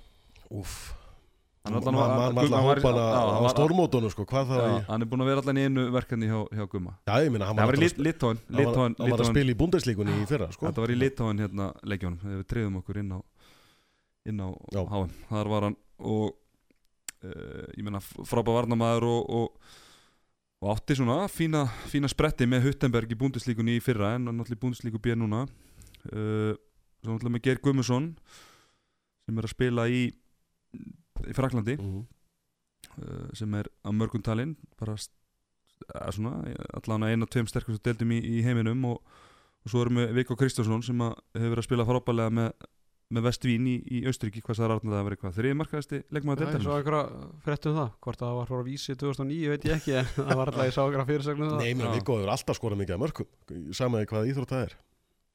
Ég mitt, ég fekk þann heiður að, að spila með honum í úlíkanarslöðunum þegar um 17 ára og þá hérna, þurfti hann með þess að fara degi fyrr heim út af því að hann var að fara með úlíkanarslinu fótbolta og eitthvað opna á Norrlandamóti Já. daginn eftir sko, hann að það er mjög skemmtileg hérna, eða bara hann sagan hans, veist, hann alltaf ákveðar hætti í handbolta. Ég held að, hann var eiginlega búin að ákveða að hætta þarna það voru við U17 eða 18 hann var eiginlega bara sem ég hættur í handbolta bara svo nendi segt ég, ég var hans herbyggjusfélagur og hann eiginlega svona, það var senasta leik var klokkan 8 um morgunin hann var bara svona ég var náttúrulega ekki að segja þetta en hann, var, hann sagði bara heint út ég nenni ekki vakni leikir á morgun Við spilum líka klukkan 8 að mót þetta var túrring þetta var já. en allavega það er en, svo það er en það er, þú veist, þá hefði maður aldrei búist við því að hann væri núna bara þriði markaðasti leikmæri í östuríski úrvastendinu sko. Nei. svo alltaf fyrir hann í breyðabliki fótboltanum og fyrir svo í gróttunum og svo er hann bara farin út áður en hann eða sko já, maður hefði svona viljað sjá hann kannski í topp fjögulegum með Íslandi áður en hann færi út sko. Já, hann tók, tók hann fyrstu deildina með Fyrsteldina, gróttu. alltaf geðveiku þar bara Já, átti, svo, átti mjög fínt ári í, í ég var ekki ólisteldin áleika 15, 15, 16 Já, Já. En ég meina ef hann eh, er þriði markaðastur í austurísku deildinni þá kannski var þetta bara ágættis Ákvörðin hjá hann að fara út?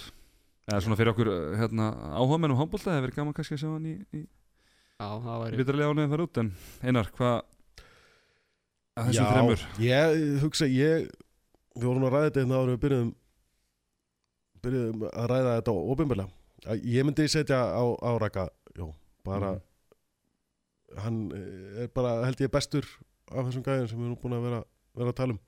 Mm -hmm. segi, þó, þó að þessi dottninni í B-deildinu núna var hann í búndislíkunni bara fyrir fyrir andartaki taki síðan. Ég segi Viggo já, ég get, ég get algjörlega tekið undir Viggo líka. Já, mér finnst þetta eiginlega erfiðast að valja okkar en, en ég verði eiginlega að velja Raka minn sko. hann er hann er líka aug, augljóslega af þessum þrem er, er, er gummi hrifnastur á honum. Já, já, hann, er svona, hann er næst þessu hann og það er, það er ekki mesta skrokkin í þetta. Það má aldrei vannmeta munin á líkamstyrk þegar þú ert komin í alþjóða boltan sko. Og besti varnamæðurinn líka við þurfum að hugsa um það líka. Báða enda sjálfsög gengur ekki bara að skora Nei Ragnar Jóhansson, hann er hæri skittan í þessu liði hjá okkur. Hæra hotnið, það er uh, nú bara eitt, eitt nafn á, á blaði Það er, já, en þetta er sant, hann er kannski hann er svolítið að bróta kannski reglurnar út af því að hann er mögulega bara ekki búin að gefa kost á sér í landsliði já, við fáum kannski að spyrja Gumma um það á, í já, næstu viku þegar hann velur, velur hópin já, en ég var uh, pínus besa að Theodor sé ekki þannig já, það er Tétur Sigurbjörnsson og, og það, það er runni svona okkar bestu fyrir utan hann þá er okkar bestu hæra menn bara í að spila út, eða þú veist, er í hópnum af þeim sem eru að spila úti eru bara í hópnum þannig Já. að það væri þá bara helst einhverjir sem er að spila inn í deildin heima það væri þá bara Birgir í FH eða eitthvað Já, ég meina á meðan við ekki Já. annað þá náttúrulega verðum við að segja, segja þetta Já, það er svona fáir aðri sem að sér svona hæri hóndamenn sem að sér sem getur verið í ykkur landslísklassa Já, ég meina, Teddy er í landsliðsklasa sko Já, ég segi fyrir, fyrir utan hann sko. Já, ég er- já, já. já, já. Ég myndi þess vegna treysta mér bara í heilt stórmót með hann í hodninu ef, að, ef Arnór var í meittur eða eitthvað þá myndi ég segja að við varum bara ágætlega sett með, með þetta sem okkar aðal hodnumann reyndar Óðinn líka og þess vegna Sigvalda. Já. Ég pínu svag fyrir hægri hodnamennu þegar heyrið þetta. Skrítið. Ekki mjög óvart. Herru, línumennir, við erum náttúrulega með, með Það er ekki með, margir sem voru skildir eftir fyrir okkur til að velja úr með, með línumennina sko. Nei, hann hann náttúrulega valdi Finn að hérna Hann náttúrulega Kári Kristján. Já, Kristjánsson nú veit maður ekki er, hann, er, hann, er gummi hættur að velja hann eða segir Kári bara þetta sé orðið fínt og hann vilji bara einbæta sér að, að IBVF og, og heilsunni. Mm Það er nefnilega góð spurning og svo erum við Þráin Óra Jónsson. Já, leikmann eh, Elverum í Nóri sem er annað verið svona hann kannski ekki verið nýtt rosalega stóru hlutverki þar. Nei, og, ég, og, og, ef, hann, ef hann væri það þá væri hann líklega bara í þessum landslýsop ég, en- ég hef dótt einu eitt leik með Elverum. Og á, á hérna, EHF TV það var mér sér fyrra. Og mér sér ég tók þá klippu upp á sendón og þá hérna, þetta var alveg pínlegt. Þá kemur hann inn á í varnaskiptingu og ætlar að vera eitthvað agressífur og hann er feintar og hann dettur aftur fyrir sig tók ég þetta upp á sendón og spurði hvort þetta var í Þetta er svona eina mómenti sem þú getur fyrirgjöfum mannu það að feika hreinlega meðsli að grípa bara um læri og segja bara ah, ég tóknaði eða þú finnaði það rosalega að þú dettur. Þetta var Þetta var skröðlegt, já, ég held ég eigi þetta einhvern veginn, ég mun bara einhvern veginn posta þessu á Twitter. En hvort ég ekki sé, ég er bara búin Það að verður þakklátur, ég er nokkuð Já, segja já. Eru svo kannski Alli Ævar Ingólfsson, leikmann Selfoss? Ekki svona þessi þrýr Jú, fyrst að hann valdi Gústa Birgis og Heimi sem eru tveir öflugustu líðmenni í deildinni þá er ekki margir í, Já. í bóði og, og, og Svein Jóhansson já, svona upp á, upp á svona, sem að ég bind allan að mikla vonu við að geti orðið svona ásamt Arnari, svona framtíðar Já. línum hún að dúa okkar. Uh, Já, hvað maður að segja? Ég get ekki ekki valið Kára Nei, ég meni, er hann ekki Kári er það er hann, skemmtileg, skemmtileg mannvera Já, já. svo hann myndi líka gefa þessu liði mikla reynslu. Já, Já. miklega reynslu. Hann er líka Vikt, bara Hann gefur þessi liði mikla vikt að því gefnu að að hann gefi kost á sér að þá er hann örgulega bara ennþá eh, Er það sant? best, já og þú veist líka bara með reynslu á þessu, á þessu sviði sko, það er náttúrulega við erum að taka það líka með inn í reyning hann hefur farið á fjölmörg stórmót og þannig að já, jú, jú hann allega var kannski alveg á sama, sama level en, en einhver hlutu vegna hefur hann ekki verið valið val í hennu hópingunum tíðina Af hverju veitum hvort við sem, ekki? hvort sem það sé vegna meina, þú gæða eitthvað, eitthvað annað Það er, ég meina, allir ævar er ekki myndi maður halda þegar þú kæmir í, í alvöru alþjóðlegan bolta þá væri hann bara of lágvaksin og of léttur Mm. það væri bara frekar lítið mál fyrir Vúko og Borosan og þess að gæja að bara móka honum til hliðar Já.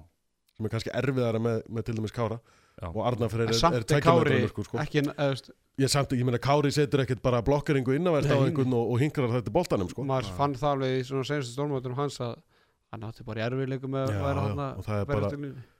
þegar maður hefur ekki lent beinlinis í klónum á svona gaurum eins og er að spila vörn í, í landsliðum og í atvinnudeldunum út í heimi að þá er þetta, þá veit maður ekki að það er voða erfitt að útskýra þegar maður lendir á 100 metra lurk sem er bara miklu, miklu sterkari en þú er nokkuð til mann kynst og það er, það er, þetta er rosa þetta er rosa stökk og þetta er rosa högg. Líka, munurinn á líkamlegum styrk. Og ef þú ert ekki með það þá getur ekki lært það. Kennir engum að vera bara, verður bara sterkari. Mm. Það er lögrætt Heru, Já, þannig að við erum með Kára. Já, við erum með Kára. Við erum með Kára. Heru, Við ætlum að vera með eina varnaskiptingu Já, Já, það er svona íslenskt. Já, en mjög- Jafnvel tvær. Tvær Já, líku ef við séum með tvær sko. Byrju, hverju, Við þurfum að skipta Kára og Ása. Ása út varnarlega. Við þurfum að vera með tvær varnaskiptingar Klárlega, Það var- það er bara það íslenska Já, það hjálpar okkur að því að við hérna, uh, vorum eiginlega velja á milli uh, Guðmundur Hólmas og, og Alexander Júliussonar kannski Ísak Rafsson kemur hérna uh, kannski ekki greina líka en, en er þetta ekki bara Alli og, og, og Gummi Hólmar? Ég held að það sé mjög, mjög fín löst Já, Kera báður upp á línu í, í sendibilginni Teinnibylginni og já, náttúrulega Alexander hefur verið í einum hóp hjá, hjá Gumma. Já, þannig að hann allan að vildi, vildi skoða hann og, og Guðmundur Hólmar náttúrulega búin að vera í er, er, erfið meðslum mikið synd að hérna, ég meina gummi alltaf á stórmóta bakinu og, Já, og var bara besti kom mjög öflugur inn og var bara orðin Já, bara í svona Pólandi Já, þegar já. við unnum, unnum Noreg og þá var Já. bara yes, hann er nú konum með gæði til að Já. standa vörnina. Nýja, nýjan ditta, Það er nýjan ditti fundin vélmenni svo og- mjög dittalegu varnarlega ekkit rosalega hávaksinn en, en naut sterkur og, og, og góður á fótunum og bara klókur. Þannig að hérna hann er búin að Það glíma von- bæði við brjósklós og líka hérna, fór meiðsli. eitthvað í nýjan Ja, hérna. öklinni eitthvað, var það, eitthvað Það var öklinni það ekki, þegar vorum, á, vorum í Fraklandi þá var öklinni eitthvað styrjanum já. Gott ef ekki. Og svo tvöfald varðanskipning Alexander Júliusson og Guðmundur Holmar Helgason. Þjálfari leysins Einar Örd Jónsson. Klárt. Ég þykk það. Hver var, hvern var með þessa aðstofan var það hérna Boris gamli eða var það Gauti Ég var, nei, ég var alltaf með Boris. Já. já, Alltaf með Boris. Það er þetta. Hvað er að frétta honum, kallinn? Bara En- Fínt held ég, ég held að það sé bara í Hann er nokkuð- ennþá nokkuð náttsloppnum góðu bara. standi. Já, Já. já, sloppur með gullkæðina og já, einmitt. Með velunagripin í, í, herbygg, í bakherbygginu velina herbergið Kallega, sko. þetta er ágættislið Bubbi, Oddur Gretas Egil Magg, Áspjöld Friðriks Raggi Jó, Teddy Kári Kristján og síðan Alexander Júliusson og og e, Guðmundur Holmar Helgason Mikið akureyðingum hann já, og líka náttúrulega tveir leikmenn stjörnunar Egil. Magg og Bubbi Þannig að þetta er alvöru myndur þú treysta þér með þetta lið á stórmótinir? Og stórmót, Já, já, á HM Ég myndi alveg treysta mér í slag við Japan og Baren með, með þennan hóp. Já, ekki?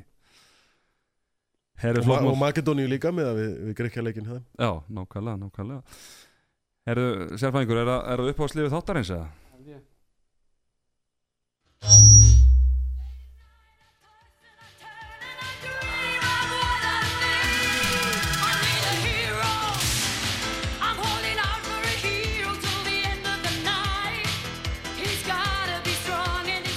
já, já, já, já, já, það er uppáðs liður hlustenda, það er Rúnars Káraðotnið Herru, hann er, Hvað hann er er, þetta Rúnari? hann er í 28 mann hófnum Já, ekki gefa því gott klá Það er þetta helsta sem er að frétta á honum. Það var bara eina. Já, er ekki eitthvað meira? Jú, jú, var, hann var- var ekki að spila í hann var að spila í kvöld, kvöld hann, hérna, Rípe Esbjörg töpu með tvei mörgum gegn Álaborg í Íslendingas lag okkar maður, hann var með skotræpu. Já, það kemur þetta kannski ekki mikið vort En ræft hann í markið ekki oft. Æ, æ, Ok, og var 11 skot, nú Mm. bara með giska. Eina hvað heldur hann að skora mörgur fjögur fjögur, já, ég ætla að fyrst sem ég hugsaði fjúr það er bara hárið eftir okkur. Já, var eiginlega að hitta ekki mjög ofta á það er fjö, fjögur 11 og Gunnar Steinn hérna, má ekki gleyma honum sko. Þrjú úr, úr fimm skotum. Já, Íslendingarnir í, í Álaborg Jan staði með eitt mark og, og hérna Ómar Ingi. Var með þrjú mörg Rólegur bara. Já, róluðu líka í stóðsending, var tvær stóðsendingar Ég held að sé stóðsendingar hæsti leikmæri í dönsku Já. úrstæðri mm. Það verður gaman að sjá hann hérna í, í Það er alveg gaman að vera lína með, með hann og Aron fyrir utan. Þess vegna er svo Já. mikilvægt að Arnar sig. En aftur á Rúnari, fyrir ekki Við ætlum ekki afvegalega Já. umræða hérna, þú varst búin að heyra um að hann hafa í í- á dögunum eða ekki? Jú, hann var í Jösk og, og hérna kefti sér, hérna, það er búið að rákvæði sveir í Danmörk og hann kefti sér svona garðhúsgögn Hann hefur vantarlega gert hörku díl á því í Já, desember. já, það var hérna það var rýmingar útsal á því og, og veðrið er búið að leika við Danina þannig að hann gerði flott eh, flottan díl þar. Voru þetta svona bast húsgögn eða plast? Þetta var svona, þetta var pl plast. Þetta var meir út í plastið. Takk. Samkvæmt mínum heimildum Og Selða ekki dýra Og samkvæmt okkar heimildum þá er hann bara greiðlega spenntur fyrir komandi tímum og spenntur að fara á N1 stórmóti í Þýskalandi. En alltaf leið ekki droslega vel í Þýskalandi undir lok tímans þar þannig að hann er svona að hlaka til að fara þanga aftur og svona finna gleðin á ný. Ég finna þessa þýsku hlýju Já. sem hann fann svo mikið fyrir. Þú þekkir hana vel. Á sínum, sínum árum í Þýskalandi. Er ekki, er svona, það er mikið mýkt í þjóðurunum Já, ég meina það, maður það bara að fara rétt að þjóður hann Já, wunderbar, wunderbar. Herðu Rúnas Kárahotnið, það er því er lokið. Það var þétt, það var Já. þéttu pakki. Já, þetta pakki, nóga fyrir þetta En uh, ef ekki að vinda okkur þá bara í uh, næstu umferð í Ólistild Karlæginu við ætlum að fá þið til að spá fyrir um uh, úslit leikina þar. Já, við ætlum að fara yfir stuðla, stuðlabergi í, í, í leðinni í bóði, bóði Kúlbett. Uh, Þetta byrja allt saman á sunnudaginn. Þetta er kannski ekki þetta er kannski ekki mest sexy umferðin sem við höfum séð uh, hingað til en, en uh, hver veit, kannski er maður einhver getur alltaf fundið að alltaf- sexiasta í, í Já, í hverju, nákvæmlega. Þetta er bara eins og ballinu, sérfræðingur, þú þekkir þetta.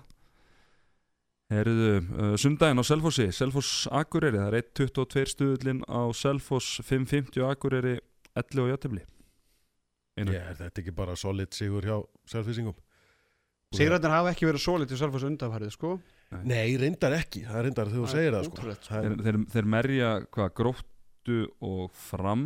Já, tapa Tap- fyrir stjórnunni tapa fyrir stjörnunni. Vinna ekki? Já, mjög tæft. Það var tæft líka, já. Já, framarinn að tæft í að tapa, tapa, tapa fyrir haugum og ekki að segja þér svara aðeins fyrir sig. Svona koma að minna aftur almennilega á sig. Rétt fyrir Svona aðeins, jólafrí já, aðeins fyrir jólafríði, fara brosendin í jólin mm -hmm. og hérna bara, þetta er búið að vera rosa góður vetur hjá Evrópukeppnin og, og allt svona, skilur, pínu, pínu dífa eftir, eftir Evrópuævintýrið, sem Mhm. er kannski bara alveg eðlilegt, Já. þeir eru ekkert búin að vera þessi strákar í Evrópukeppni á hverju ári, þannig að ég held að þeir vinni Akureyri solid, 5 mörg pluss mm uh, á sama tíma uh, í uh, Garabænum, TM höllinni það er kannski já, hugsalega áhugaverðasti leikur umferðinar stjarnan IBF, það er 2.20 á stjörnuna 1.9 á IBF 9.5 á jættabli einar. 2.20 á stjörnuna? Já, það er svolítið stjörn það, stjörnuna en IBF það alveg. Já, eða rétt sem þú segir samt, þetta er aðeins svona áhugaverðasti leikurinn í, í þessari umferð Já. sko. eru, eru eigamenn búin að finna taktin eða, eða Já, ekki, og Eyjamenn- var þetta bara grís hjá stjörnuna að vinna fimm í röð já, ég meina ég held ekki. Stjarnan hafa búin að vinna 5 í röð og, og, og hvað 6 af, sex af síðustu 7 fyrir svo uh, þessa brotleiðingu gegn eftirheldingu í síðustu umferð og, og, IBF búið að vinna þrjáleiki þannig að þetta er að þetta er, þetta er mjög áhugaverður leikur. Já, ég set mitt á, á stjörnuna Já. ég held þessu búin að finna finna sinn gýr mm -hmm. fá Leo inn aftur eftir leikbann. Mun, munar bara það. ég er ekkert svo samfæður um að eigamenn séu endilega hrokknir í gang. Sko ef. IBF vinnur leikin þá jafnar stjórnur á, s- á stigum sem er Já. alveg Þannig að galið eins- fárlegt Svo léleg fyr, fyrir jól fyrir IBF eins og við erum bara ofta rættum með þessu þetta mm. það var þess að bara mörg stig á stjarnar sem allir voru að, en náttúrulega stjarnan voru náttúrulega sko, þeir gátt ekki þeir hefði ekki getað kift sér stig e, í byrjun mót sko. Já, já. og það er náttúrulega muni elda alveg fram að, úrstættakeppni að hvað þeir byrjuðu ömulega sko. mm Þú farið þau stigi ekki tilbaka, það er nokkuð ljóst En uh, hálf fimm á sunnudeginum uh, Hauka Káa 1.36 og Hauka 4 og Káa 10.5 á jættefli Fyrirleikurinn endaði hvað með hvað, 11 og 12 marka 11 og sigri 12, já. marka sigri Káa svo unnu haugarnir káa náttúrulega í með sjömörkum Einmitt. 30-23 held ég Einar, þínu gömli félagar út að göngutúr í garðinum fyrir þá? Þeir eru búin að vera held- Sóknarlega sérstaklega í síðust leikjum ég hefði ekki eh, sko sama hvaða lið hefði mætt haugum núna í, í þessum leik þá hefði alltaf spáð þeim tapi og frekar hressilegu. Já. að því að haugarnir náttúrulega hafa eitthvað að sanna eftir erfiða viku, leðar Mm. vikur dotna út í byggarnum skilu, farir montrétturinn í hafnafyrði eftir, eftir jafntefli? Bleikjól. Bleikjól í hafnafyrði og, og það Nei. og hérna og ég held að og þeir eru ekkert, þó að þeir hafi unnið káa í byggarnum en þeir eru ekkert búin að gleyma þessum deildaleik fyrir norðan sko. var, var svo regla í haugarnum þegar þú varst að spila að hérna það var alltaf bara fótbolti eftir sigurleiki þannig að ef haugar tapar senasta leik fyrir jól þá er ekki fótbolti fyrir bara Nei, við vorum náttúrulega svona durgar sko. við vorum með gamla reynslu mikla menn þarna sem þurftu bara að fá sinn fótbolta og hérna Aron hafði alltaf skilning á því að, við þurftum að spila aðeins fótbolta En allavega, ég held að, ég held að það sé í hauga núna reynslu litlu liði hauganum hann ekki með mikla Já, durg já, eins og- það Það þarf- gerir þá þarf ásker þess að örd, engin gulrætur, reysla skilur. þar En allavega haugarnir, þeir vilja vi- sigur eða vilja fótbolta fram í, fram í februar sko. Klálega, ég okkur hjálpa ykkur skilu þeir eru efstir í deildinni með öðrum Nei, vinna val, á, Valur er reynda komið Já, þú, já, auðvitað, þeir eru náttúrulega mistu stig hana Já. en að þeir, skilur, ef þeir tapa þessum leik fyrir káa núna þá er fyrir hluti tímabilsins bara nánast ónýttur, skilur, þá fara Mm. þeir með þvílitt óbragð inn í, inn í jólafríið og, og januar þannig að það er ekkert annað en sigur sem kemur til greina fyrir hauka og, og, og þeir eru með óbrað eftir, eftir að detta út úr byggarnir líka. Þannig að þetta verður ekki ekki, ekki skemmtileg færð held ég fyrir káman Þetta er samt hérna, við erum að tala alltaf mikið um að leika en Káa sko búið að vinna Selfoss ekki rétt um það Selfossi Að vinna- svo náttúrulega vinna IBF í eigum -hmm. þannig að og unnu náttúrulega fyrirleiki með 11 mörgum já, já. þannig að þetta er náttúrulega stór hættur að leika fyrir haugana. Og það er svo unnu náttúrulega í byggarnum með 7 og samfærandi sko. Þannig að bara til að búa til smá spennu sko þá er þetta ótrúlega vondur leikur fyrir haugana að fá Káa já, já, algjörlega. Því að þú, En- þeir geta en í rauninni sama hvað gerist fyrir káa þá er þetta þá er þetta mjög góður fyrirluti af, af tímabili fyrir káa með að deild og bara hafa ekkert, ekkert með þess að fallbarátt að gera en eitt svoleiðis og eru rauninni miklu nærði að vera stríða liðanum fyrir ofan sig en, en að eiga eitthvað við, við hennar næri hluta. Mm Klárt mál uh, Hálf 8 á sundarskvöldinu Það er uh, fram FH 3.50 á framarana 1.44 á FH og 10 á jættibli Einar, Þetta er FH Þetta er FH sigur er það ekki Alla leið. bara nokkuð nokku klárt? Jú, ég meina FH er bara miklu betra lið. Þó að ég meina þetta verður ekki þetta verður ekki auðveld og þetta verður ekki engin stórsigur. Framararnir eru bara einhvern veginn eins og við tölum um aðan skilju þeir eru bara með, með klóka og fína, fína handbóltamenn og, ágætis blöndu af, af liði.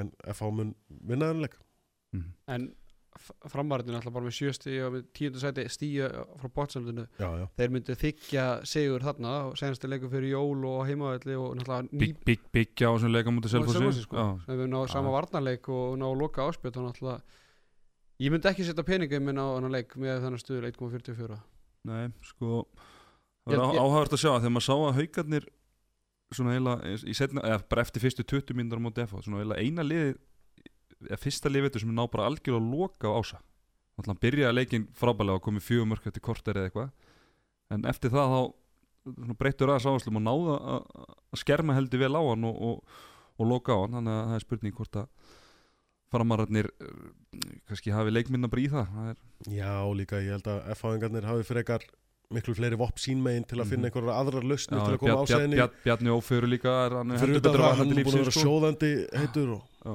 Ég meina, ef þú ætlar að veita ása alla þína aðtegli varnalega þá ertu bara að búa til pláss fyrir Bjarna til að spæna sig í gegn með Mhm. sína snerpu og, og líka styrk. Já, klart mál Erðu á sama tíma uh, í hertsöllinni, gróta valur 5.50 og gróttu 10 játefli, 1.25 á val Er þetta ég ætla bara að svara þessu fyrir einar valur næsta mál? já, Já. ég held að það sé ekki spurning Er ekki bara kannski aðalega hérna þú kannski útskýri fyrir fólki hvernig það komast inn í, inn í, inn í Íþróttási já.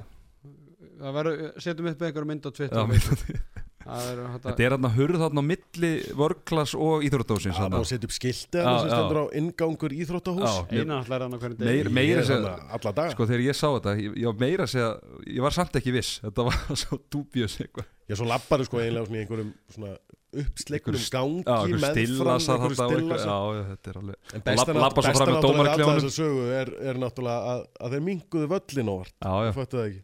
það var nú bara smá miskilningur, Já. þú glemdur að, að geima einn hann í einhverjum útreikningum. já, já Og svo lappar hann fram með dómaraklefanum og eitthvað allir áverði Þetta er, þetta er aðeinslegt Þetta er gaman. yes. Herðu, svo kannski eh, svona annara tveimur áhugaveru leikjum í þessari umferð uh, í rafturlending á hann er skráður, er hann ekki á mánudaginn? Hann er skráður á á sunnudaginn á, mánudaginn, á mánudagskvöldið yes, uh, 2.40 í er 1.75 á afturöldingu 9.5 á, á játefli Já, sko ég er að spáði að setja þetta á ír. Já, Bara til að hleypa dildin líka, ég er yngar aðeins að dragast aftur úr. mhm. Og þeir verði eiginlega að fara að ná sér í einhverja, einhverja púnta Já.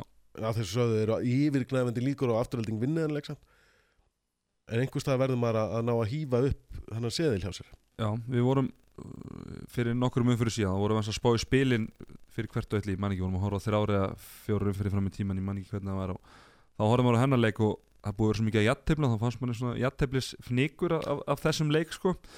En svona með rönni sem afturhaldi búið að vera á núna í síðustu tveim leikjum og er að finna taktinn og Pálmar búin að vera vel í markinu og svona og, og írengarnir eru bara smá laskaðir Ég er að nokkra, nokkra leikmenn sem eru bara að spila vel tæpir. Já, og svo eru þið búin að þú veist, vera óhefnir í alveg ótrúlega mörgum leikum. Þú náttúrulega Já. skapir þín eigin lukku en, en stundum líka bara verður að segja bara æ, guðspænum Já. En ég ætla, ég ætla, hérna, ég ætla að rífa upp stöðuliminn með, með því að setja, setja í er þarna á þetta. Já, mér líst vel að það. Er ég á búin að hendi séðil sérfæðingur Ég Sem er ekki óvart. Já, ég er búin að, ég sett á uh, Selfoss, ég sett á Hauka. Ég sett á Val og setti svolítið duglega á hans segil. Svo var ég með annan það sem ég setti aðeins minna og þar bætti ég FH líka inn. Þannig ég er með tvo sela. Fyrir þá sem að vilja aðeins meiri áhættu þeir taka FH með. Að ég er ekki hrifin að taka meiri þráleiki einu. En nú, ef þú mætti velja einn leik sem þú ættir að setja á Þá eru aðalega að tala um stjarnan IBVF í er afturölding Já. Uh, Afturöldinga múti ír. Já, Hvað var stöðulinn þar? 1.75 Já, var ekki við tvo á stöðuna? Já, 2.20 sko já En mér finnst að mist bara að stjarnan íbjöð bara að vera meira 50-50 leikur heldur en ég er afturölding Þótt að sé báðu bá leikiti fyrirfram mjög jafnir sko En þetta verður þetta verður spennandi að sjá Senastum fyrir jól Já, Jólaþáttur er næstu, Já. spilum við samtíka milli jólun í ár? Ég skilði þetta ekki. Og deildabika, eða bara deildina Bara deilda leiki. Ja, við Tvo, erum- tvær umfyrir jólun í ár og ekki drögl. Það er all íþróttum sloku Já, líka hálf Það bara deildin opnar þið. Líka bara hálf Þetta er bara, skilur við, Svíarnir spila milli jólun í ár. Já. Danirnir eru með byggarleiki milli jólun í ár. Þjóðverðarnir spila milli Já. jólun í ár. Og það er bara, þú kveikir ljósin og það er fullt. En það er hálf deildin allir okkar í